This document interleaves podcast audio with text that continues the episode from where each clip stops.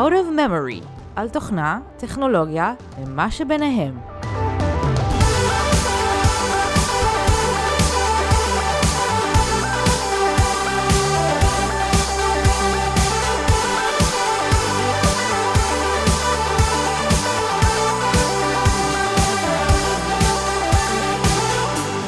ברוכים הבאים לפרק 19 של Out of Memory. אני מיכה קאופמן. אני עופר זליג. נושא הפרק היום יהיה פרצות אבטחה נפוצות באפליקציות אינטרנט, מה שנקרא OWASP Top 10 למי ששמע או מכיר, ואיך אפשר למנוע אותם. זה נושא סופר חשוב בעקבות כל דליפות המידע שאנחנו שומעים עליהם כל יום-יומיים בארץ ובעולם. אז אה, קודם כל, מה זו הקללה הזאת OWASP? כן, אז OWASP, המילה שקשה להגות אותה היא ראשי תיבות Open Web Application Security Project. זה בעצם אה, ארגון ללא מטרת רווח. זה ארגון שהוא קהילה, שיש לה כנסים והרצאות. היא אוספת המון מידע מרחבי העולם על אה, כל מיני פרצות אבטחה וחולשות. מאיפה היא אוספת את המידע הזה? היא אוספת אותו מ-CWE, שזה Common Weakness Enumeration Database. דברים שחברות מדווחות עליהם ונמצאות בדאטאבייסים כאלה פתוחים בעולם. הם מקבלים מידע מבאג באונטיז שחברות מפרסמות ומזמינות האקרים או אנשים שמצאו אה, בעיות לדווח להן, והם מקבלים גם דיווחים ידניים ממשתמשים. מכל הדברים האלה, OWASP עושה אגרגציה של פרצות האבטחה הנפוצות בעולם, כאשר פעם בשנה, או אולי לעיתים יותר תכופות, הם מעדכנים את מה שהם קוראים לו OWASP Top 10. שזו בעצם רשימה של עשרת פרצות האבטחה שהכי בשימוש באותה תקופה. יש להם אפילו אפליקציה ממש מגניבה שקוראים לה ג'וס שופ, חנות למיצים, שבעצם זו אפליקציה שהם עשו שהיא מלאה בכוונה, מלאה בחורי אבטחה, לצורך לימוד, כדי שאנשים שחוקרים אה, פרצות אבטחה ולומדים את הנושא, יוכלו לנסות את עצמם אה, ולנסות לפרוץ לחנות הזאת של ה Juice Shop. יש שם טכנולוגיות כמו Angular, כמו Node, כמו אקספרס, ומלא מלא מלא בעיות אבטחה מכל הסוגים. ואם אתה מתלמד, זה אחלה דבר לנסות להתחיל כדי לחפש בו חורי אבטחה, רעיון מגניב לגמרי אגב, של. אה, נכון, האתר שלהם מלא גם במידע איך למנוע פרצות אבטחה לכל אחת מה Top 10, וגם אלה שהם לא Top 10, עם דוגמאות קוד כלומר, ממש הוכחות התכנות שכאלה של אה, שורה 2 על כל פרצת אבטחה, איך מפעילים אותה ואיך מגינים ממנה. מדריכים לבודקי אבטחה ועוד הרבה הרבה דברים טובים. יש להם גם את Zed Attack אה, Proxy, שזו תוכנה שלהם, שסורקת אפליקציות אינטרנט ומחפשת אה, פרצות באפליקציות, כמובן חינמית, וכדאי לנסות אותה. כן, ארגון OWASP נוגע גם ב mobile security, אבל אנחנו נתמקד במחקר העיקרי שלהם, מה שאמרנו OWASP Top 10, שהוא בעיקר לתחום ה web. כשאנחנו אומרים עכשיו אפליקציות, אנחנו מתכוונים Web Applications. וחשוב גם להדגיש שבפרק אנחנו מסבירים רק את הקונספט הכללי. לרוב הפרצות האלה יש אה, תת וריאנטים, ואנחנו נפנה אתכם ב show notes לדפים הספציפיים שבהם תוכלו לקבל אה, מידע הרבה יותר מעמיק מהמידע הבסיסי שאנחנו נספר אה, בפרק הזה לצורך ההמחשה.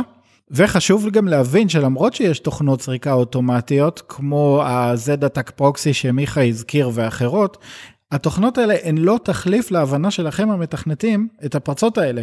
ברגע שהם מבינים את טיב הפרצות האלה, בקלות אפשר להימנע מהן. המניעה לא דורשת תכנות מסובך, רק מודעות. עוד דבר חשוב עופר, הפרצות שנזכור בפרק הזה הם רשימה חלקית בלבד.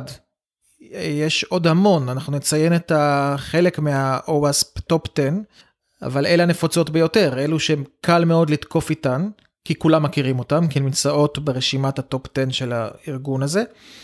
גם קל מאוד להתגונן מהם, ברגע שמבינים איך הן עובדות.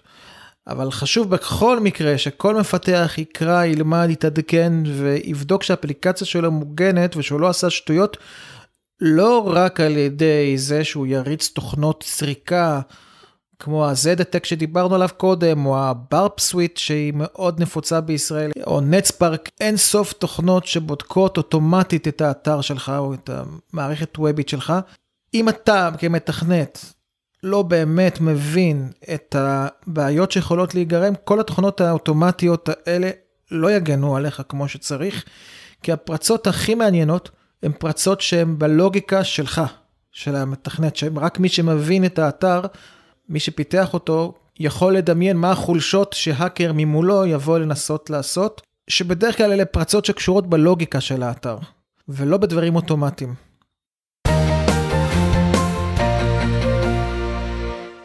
אז בואו נתחיל ונעבור, כמו שאמרנו, לא על כל עשר הפרצות שב OWASP Top 10, אבל על החלק שאנחנו חושבים שהוא הכי נפוץ ורגיש, ושוב, קל להגן על הדברים האלה, אבל אלו הפרצות הכי פופולריות בעולם.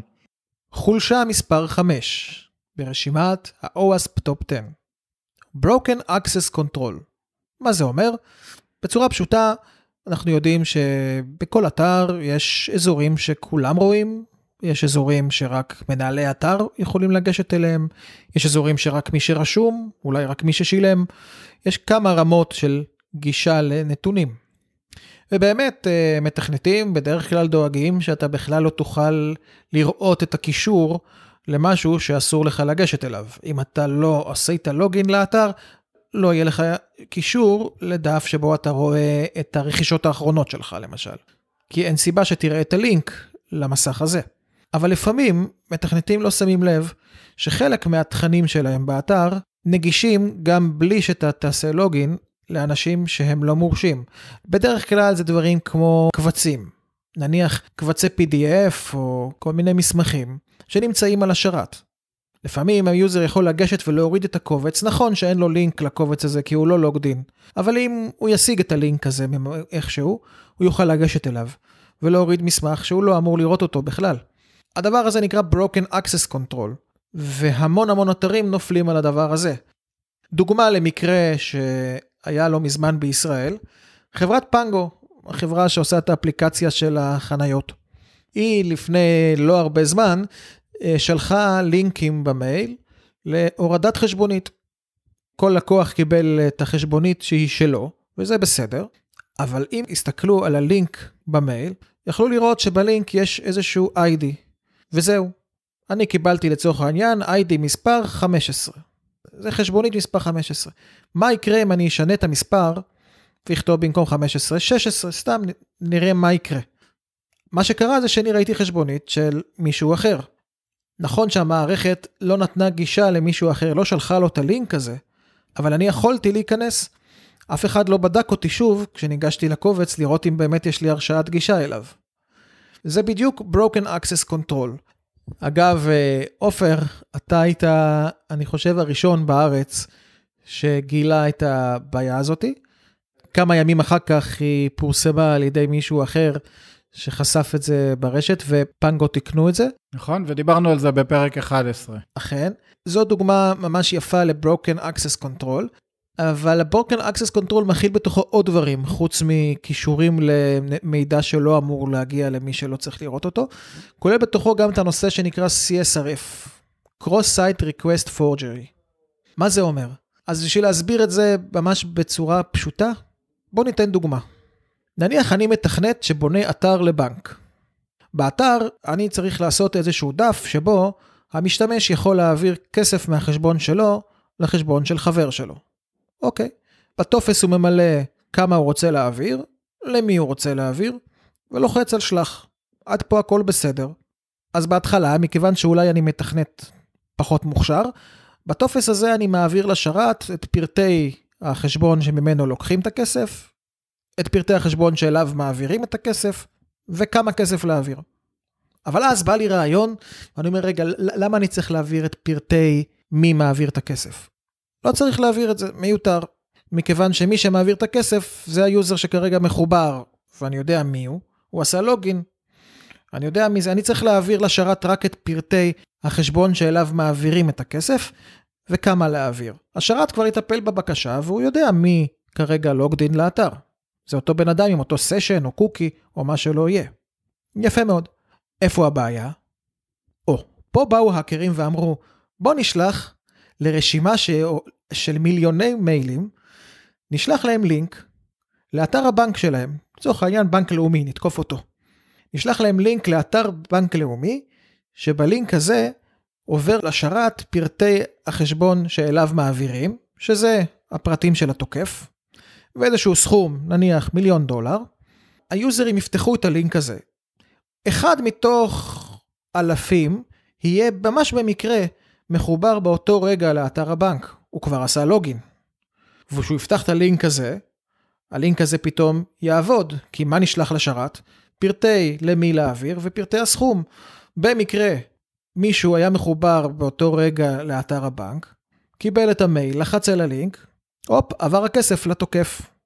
זה בדיוק מנגנון של Cross-Site Request Forgery. איך נמנעים ממנו? אז באמת היום יש כמעט בכל אתר שמכבד את עצמו tokens, CSRF tokens, שאלה בעצם סטרינגים אקראיים לגמרי, שנמצאים בכל טופס ששולחים. המטרה של השרת זה לבדוק שאתה באמת היית בדף הקודם שבו יש את בקשת העברת הכסף, לפני שאתה שלחת פוסט עם הנתונים לשרת. ואז אם מישהו ינסה לשלוח מייל בתפוצת נאטו לכל המיליוני האנשים ולקוות שאחד מהם במקרה מחובר לאתר הבנק, זה לא יעזור לו, כי הוא לא שולח את ה string הרנדומלי שמחולל כל פעם מחדש באותו דף של בקשת העברה. אז זה בעצם CSRF token, וכל uh, מערכות הפיתוח שמכבדות את עצמם כבר דואגות לתת תשתית לדבר הזה, זה לא משנה אם זה Java או .NET או Angular, בכולם יש את הטכנולוגיה הזאת כבר שיודעת לתת לך איזשהו token, וכל מה שצריך לעשות זה שה client ישלח את ה token, הסרבר יוודא שבאמת הוא הגיע, ובזה סגרנו את הפינה הזאת. אבל צריך לדעת ולהיות מודע לנושא הזה של CSRF.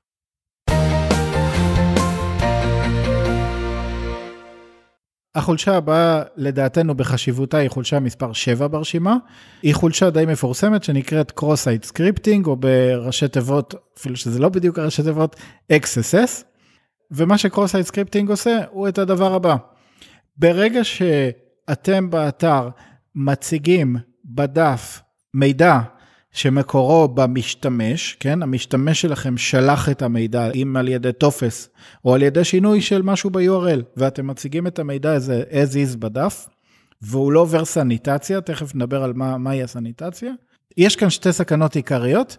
סכנה אחת היא שהתוקף יוכל להזריק לדף ה-HTML שגולש אחר צופה בו תוכן משלו, ממש תמונות, טפסים, אה, להוליך אותו שולל ולחשוב שהוא באתר אחר וכן הלאה.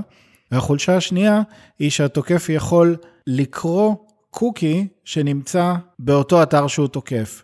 והקוקי הזה יכול להיות למשל הלוגין שלכם בעצם, מה שמאפשר לו להיות לוגדין אה, במקומכם.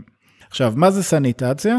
אז דוגמה למשהו שהגולש יכול לשלוח לכם, אתם מבקשים מהגולש, לא יודע מה, את השם הפרטי שלו, שיספק לכם בטופס. או שיש לכם ב-URL איזשהו פרמטר שאתם מציגים אותו בדף. ברגע שהתוקף משתמש במקום בטקסט הזה, במשהו קצת יותר אה, מרושע, הוא יצליח לנצל את החולשה הזאת. אז מה זה משהו מרושע? לדוגמה, הוא מכניס תגיות html ממש מבנה שיש בו שדות, תמונות, טקסטים, טבלאות, מה שאתם רוצים. אם אתם מציגים את זה as is ולא עושים סניטציה ולא אומרים רגע ברגע שאני מזהה משהו שנראה כמו HTML אני אה, אחסום את זה לגמרי או שאני אסנן ואוריד ממנו תווים בעייתיים. יבוא הגולש התמים ויראה משהו ש... שמרמה אותו לחשוב שזה משהו אחר ואז נניח כתוקף שלחתם מייל להרבה קורבנות כן למיליוני אנשים בודדים מהם ילחצו במייל יש קישור לדף באתר לגיטימי. אבל הקישור הזה מכיל בתוכו ב-query string, בשרשור של ה-URL, את אותו HTML שרציתם.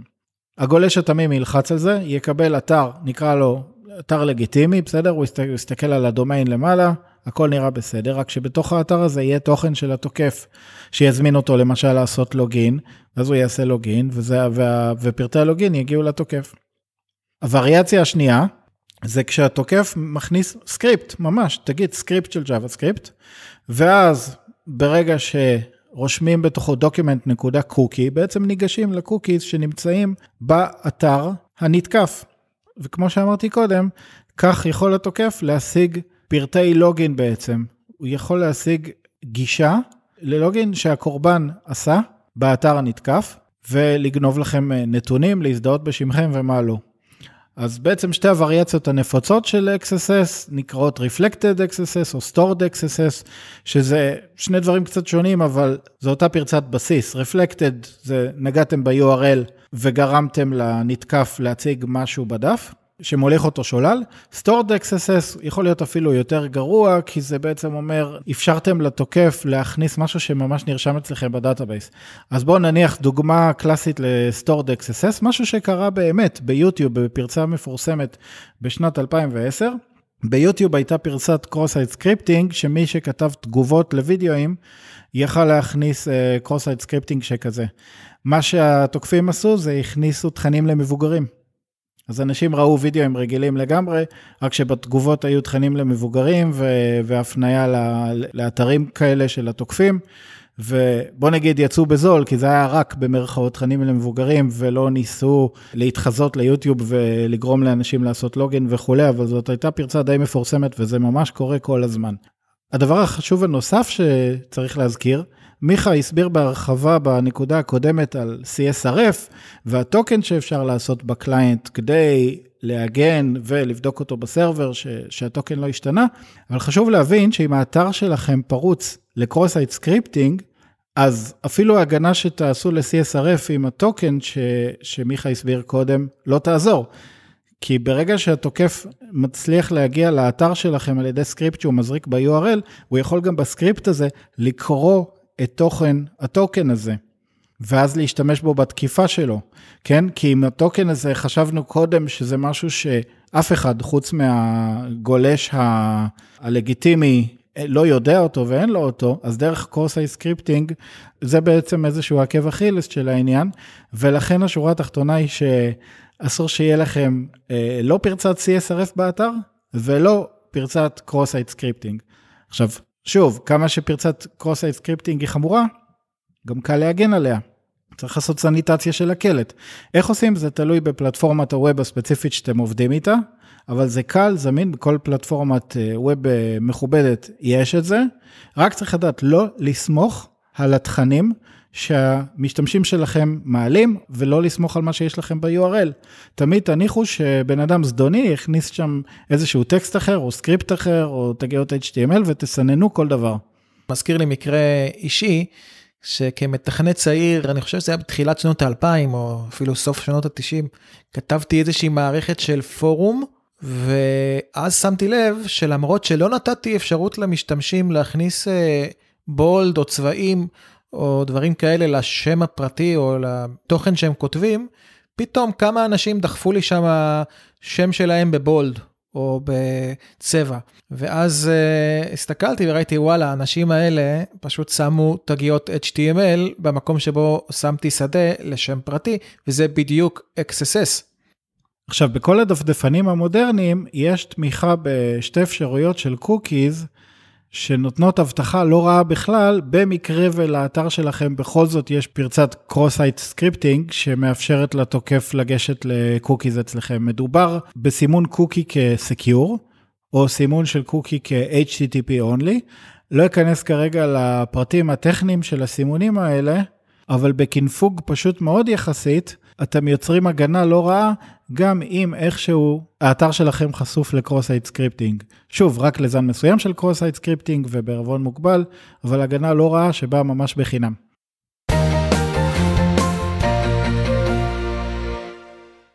חולשה מספר אחת ברשימה, אולי החולשה הנפוצה ביותר, לא אולי, החולשה הנפוצה ביותר, injection, הזרקה.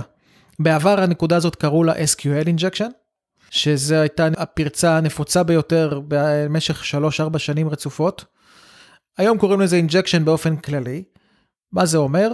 זה די דומה למה שדיברנו קודם, אנשים שמכניסים טקסט זדוני שעליו לא חשב המפתח בזמן שהוא יצר את האתר.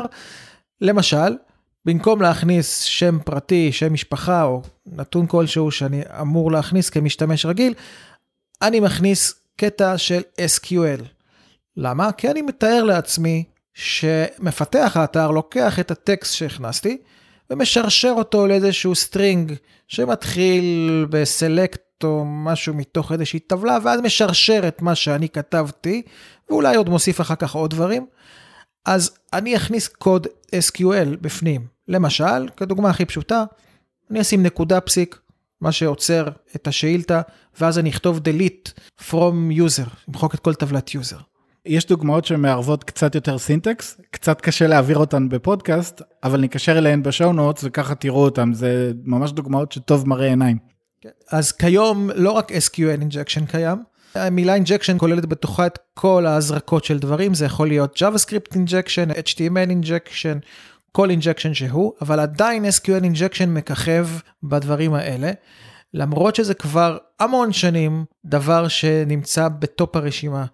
הנה כמה דוגמאות של סיפורים שקרו, ואני אעבור ככה מהר על סיפורים כמו אתר ממשלתי ברוד איילנד, שגנבו כרטיסי אשראי מאנשים שעשו עסקים עם סוכנויות של המדינה, או אתר מייקרוסופט בבריטניה, שהושחת עם, עם SQL injection, או קבוצת האקרים טורקית שהשתמשה ב-SQL injection כדי לפרוץ לחיל החימוש ולחיל ההנדסה של הצבא האמריקאי. כלומר, זה לא רק שפורצים עם הדבר הזה למשה מזגנים.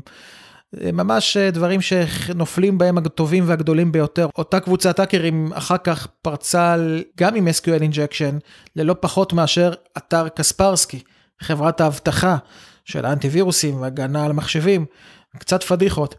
עוד דוגמה נוספת, מרשם עברייני המין האלימים באוקלהמה השבית את אתר האינטרנט שלו כי הודיעו לו שעשרות אלפי מספרי ביטוח לאומי של עברייני מין הורדו בעזרת SQL injection. ב-2008 אגב, היו כמה חודשים שבהם הייתה התקפה מטורפת של חצי מיליון אתרי אינטרנט ב-SQL injection, שדחפה ל database של חצי מיליון אתרים איזשהו קטע string, שאגב גם אני נפגעתי ממנו בזמנו. אז ככה שזה באמת אחת הפרצות הגדולות ביותר, איזשהו חוות שרתים בסין, פשוט חיפשה בגוגל איזה אתרים יכולים להיפגע מ-SQL, מה הם עשו? הם חיפשו את השגיאות שנגרמות כתוצאה מ-SQL injection, ופשוט מצאו את התוצאות בגוגל של אלה אתרים שלא עמידים בפני SQL injection. וככה הם פרצו לאין סוף אתרים, ועד היום זה קיים. אתר הממשל באיסטנבול, מחקו שם את חובות המים, הגז, האינטרנט, החשמל של מיליוני תושבים בפרצת SQL injection. זה קרה גם לא מזמן. אז באמת זו הפרצה אולי מספר אחת, ומשום מה עדיין אנשים, עד היום, לא כותבים קוד שמגן מהם, זה נורא קל לכתוב קוד שמוגן מ-SQL injection. כל מה שצריך לעשות זה לא להסתמך על קלט של ה user ולשרשר אותו לתוך איזשהו string שירוץ אחר כך ב database, אלא להשתמש במה שנקרא פרמטרים. וכל שפה שמכבדת את עצמה יודעת לתת לכם את האפשרות להכניס פרמטרים לשאילתה ולא לשרשר סטרינגים. כן, רוב האתרים כבר יודעים אה, להגן על עצמם בפני זה, אבל כמו שאמרת, מפתיע לראות שיש עוד ועוד כאלה שנופלים בדבר הזה ונחשפים פרטים מאוד קריטיים או מושחתים פרטים מאוד קריטיים. ואם אתם uh, לא מכירים את SQL injection או לא מכירים את הבדיחה שאני הולך להזכיר, תגגלו Little Bobby Tables ותראו בדיחה קורעת של SQL injection. בדיחה מאוד מוכרת בעולם. נוסיף את זה לשואו נוט סופר.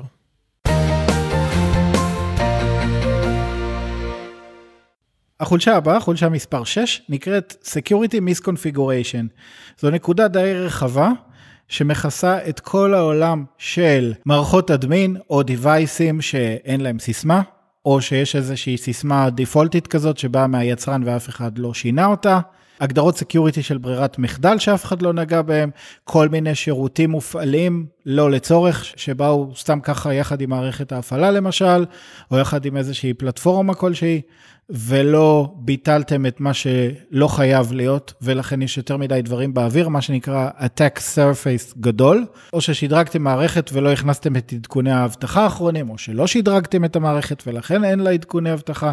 בעצם כל דבר שהוא לאו דווקא ישירות הקוד שלכם, אבל המון המון דברים בסביבת מערכת ההפעלה, או האפליקציה, או ה-DevOps, או מה לא, שלא שיניתם בו את ברירות המחדל והשארתם יותר מדי דברים פתוחים. אוקיי, אז כמה דוגמאות שבאתר של OWASP אה, מדגימים אותם. יש לכם איזשהו שרת אפליקציות ויש בו כמה אפליקציות דוגמה, לא מחקתם אותן. דרך אפליקציות הדוגמה, התוקפים ניגשים ל admin שלכם למשל, ואז משנים דברים כן קריטיים למערכת האמיתית שלכם. פרצה נוספת שקיימת המון המון המון בישראל ובעולם, Directory Listing. אתם לא מגדירים נכון את שרת ה-FTP שלכם, או את ה blob storage שלכם, או את ה-S3 שלכם, ובעצם במקום לאפשר גישה ישירה לקבצים מאוד מסוימים בשרת, ברגע שב-URL ניגשים למשהו ברמת התיקייה או הקונטיינר, מקבלים dir, מקבלים את כל רשימת הקבצים שיש שם, וזה יכול להיות דאמפים מטורפים. אה, נחשפו כבר אה, צילומי רישיונות נהיגה ותעודות זהות של אנשים, או צילומי עירום שאנשים העלו לאתרים מסוימים, ומה לא, רק בגלל directory listing, פרצה כל כך נפוצה, שממש מתרחשת כל יומיים. פרצה נוספת של משהו שלא משנים את ברירת המחדל, זה כאשר ארורים שהאפליקציה שלכם מייצרת, מוצגים למשתמש.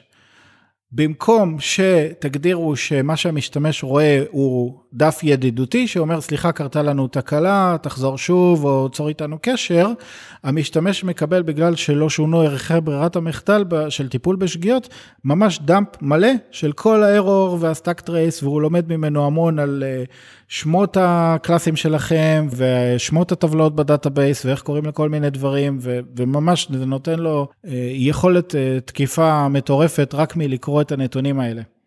אתר מעניין ששווה לציין, אם לא הכרתם את האתר הזה, אתם כנראה עכשיו אה, הולכים אה, לשרוף את היומיים הבאים, אה, מה שנקרא procrastinating רק עליו, אתר שנקרא Shodan, והאתר הזה בעצם סורק אוטומטית את רחבי האינטרנט, סורק כתובות IP ומוצא דברים פתוחים.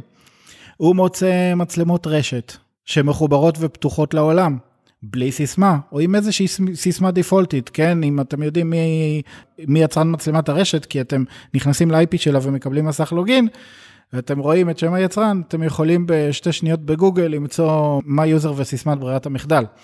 או שהוא מוצא אתרי וורדפרס, עם אדמין שלא שינו לו את הסיסמה. בסדר, נכנסים לאדמין, משחיתים לבן אדם את האתר, הרבה מהתקיפות, מה שנקרא האקרים אה, פרו-פלסטינים ואנונימוס, כל הדברים האלה מנצלים דברים נורא נורא פשוטים. זה לא איזה פרצות מתוחכמות שאתם רואים בסרטים עם אה, מסכי לינוקס אה, ירוקים, זה פשוט מערכות שמצאו דרך להיכנס בלי לדעת את הסיסמה, או שהסיסמה הייתה 1, 2, 3, 4 או משהו כזה מאוד obvious. כנ"ל database ים פתוחים, דיברנו בפודקאסט בעבר על בנק הדם האוסטרלי, שבו מישהו שכח database production או עותק של database production פתוח לעולם באיזושהי כתובת IP, פשוט חשופה ללא שום סיסמה. ראוטרים פתוחים, כן, נכנסתם לראוטר, אתם משנים עולם ומלואו בתוך הרשת שתקפתם, מדפסות שנמצאות פתוחות ברשת. כל אלה באתר Shodan, וממש ייפתחו לכם העיניים רק מלראות מה יש באתר הזה ופשוט זמין לציבור כולו.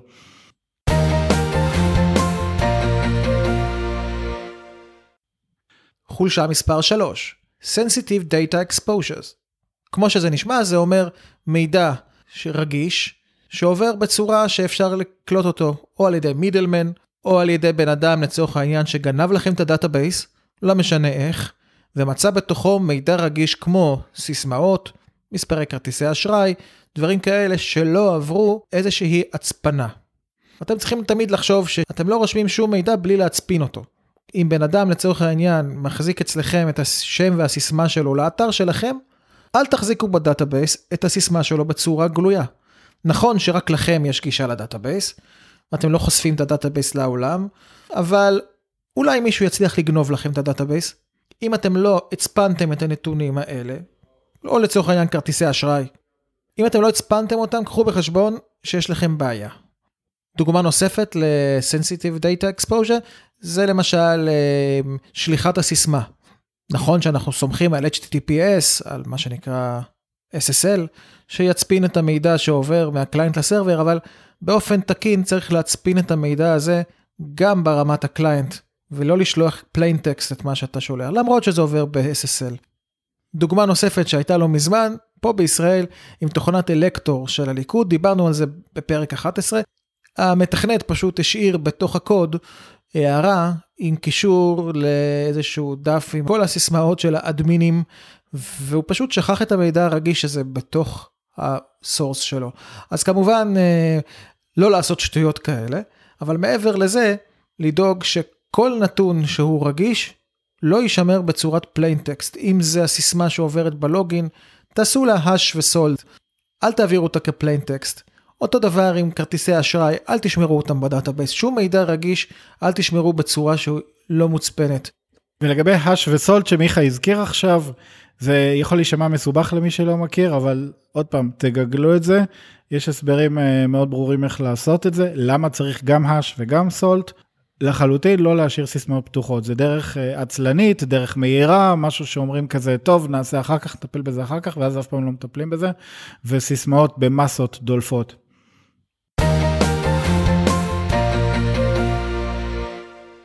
החולשה האחרונה שעליה נדבר היום, שוב, יש עוד ב top 10 ויש גם כאלה שהם לא top 10, אבל רק על אלה בחרנו לדבר היום, לדעתנו אלה הכי חשובות.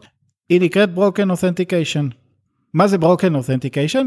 בגדול כל מה שקשור בטיפול לא נכון בקלט של login. אה, למשל אתם מאפשרים אה, ניסיונות login ללא שום הגבלה של מספר הניסיונות או התדירות שלהם, וככה התוקף יכול פשוט להריץ ברוט פורס, לרוץ על דיקשנרי כזה של סיסמאות ולנסות בלי סוף למצוא את הסיסמה של הקורבן שאותו הוא תוקף.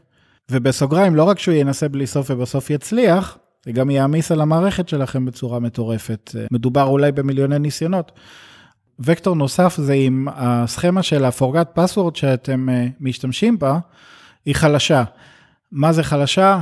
אתם למשל מבקשים מהמשתמש לענות על שאלות שהתוקף יכול בקלות לדעת את התשובות אליהן, תוך הסתכלות בפייסבוק של הנתקף.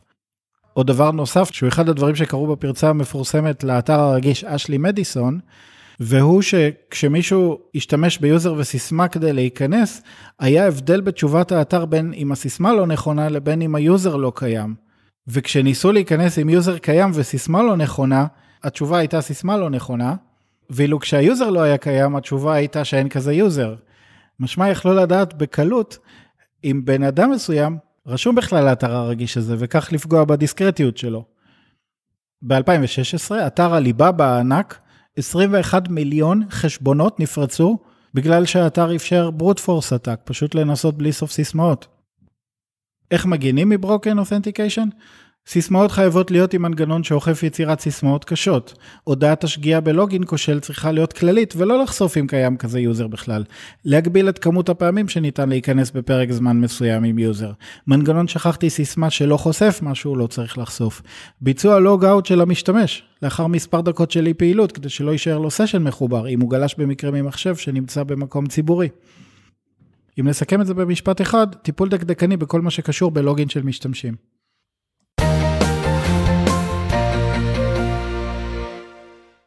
ונעבור לפינתו של נתנאל. נתנאל הנסל הוא עורך דין, הוא עורך מגזין מקוון בשם מטא, לומד לתואר שני במשפטים באוניברסיטה העברית, והכי חשוב, מתעניין בכל מה שקשור לטכנולוגיה ומה שסובב אותה. יש לו גם בלוג מאוד מעניין בכתובת הגולם.הום.בלוג. אנחנו ממליצים לעקוב גם אחרי הבלוג של נתנאל וגם אחרי נתנאל עצמו ברשתות החברתיות באופן כללי. זוהי הפינה השנייה של נתנאל בפודקאסט Out of Memory, הראשונה הייתה בפרק הקודם, פרק 18. תאזינו לו אם לא האזנתם עד היום. היום נתנאל יספר לנו על דוד וגוליית. איך זה קשור לפרק? מיד תבינו. The Matrix, על אדם ומכונה, עם נתנאל הנסל.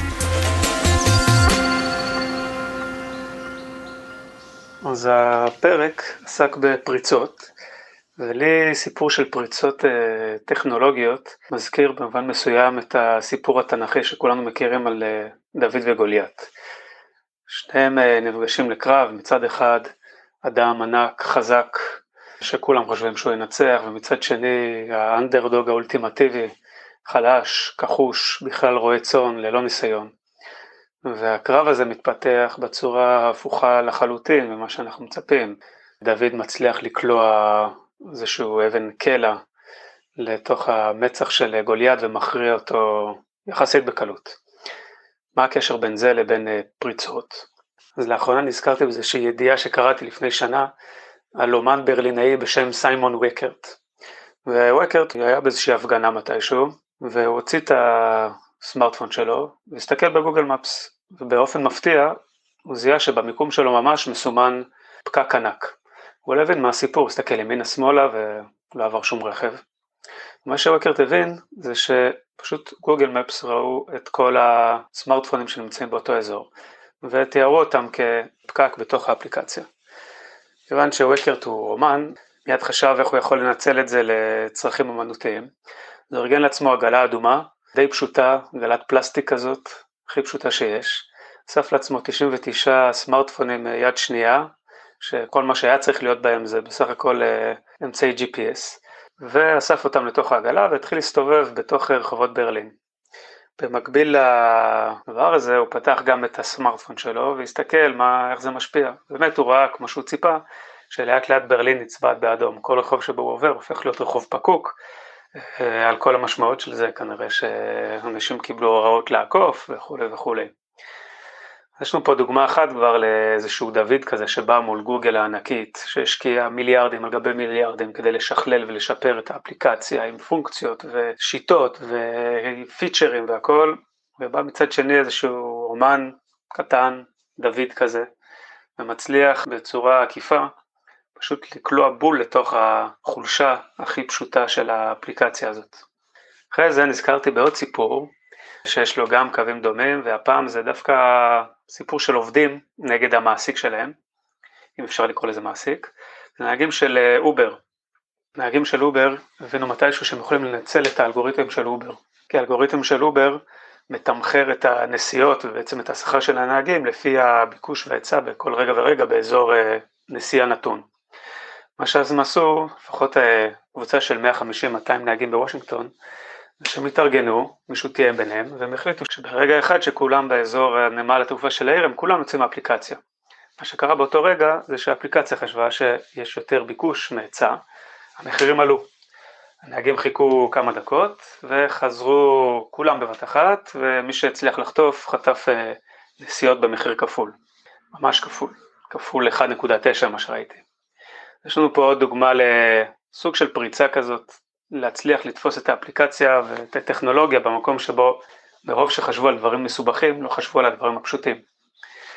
כל הדברים האלה שהם במובן מסוים קצת רחוקים מהחיים של, שלנו, האנשים הרגילים, אנחנו לא אומנים ורובנו גם לא נהגי אובר, מזכירים לי שאנחנו היום עטופים בטכנולוגיה, יש טכנולוגיה מסביב, יש אפליקציה לכל דבר, יש אלגוריתמים שיודעים להמליץ על כל דבר הכי קטן עד כדי דברים הכי שטותיים שפעם פשוט היינו בוחרים לעשות אותם בצורה חופשית ולא תלויה. והשאלה היא איפה נשאר לנו מרחב קצת להתנגד, קצת לעשות מה שבא לנו בצורה לא מתוכננת. ואולי מעבר לכל המקומות שהם לא טכנולוגיים, אפשר להגיד שגם בטכנולוגיה יש לנו כמה מקומות שאנחנו יכולים בתוך הטכנולוגיה לעשות מעשים טיפה חתרניים, לא חייבת להיות להם משמעות, לא חייב לגרום לאנשים אחרים להיכנס לפקק, וגם זה לא חייב להסתכם באולי לגנוב כסף מהחברה או מהלקוחות של החברה. אבל שייתנו לנו קצת תחושה פה ושם של אפשרות להיות איזשהו דוד, לאשר שאנחנו קיימים ושאנחנו עושים במובן מסוים קצת מה שבא לנו.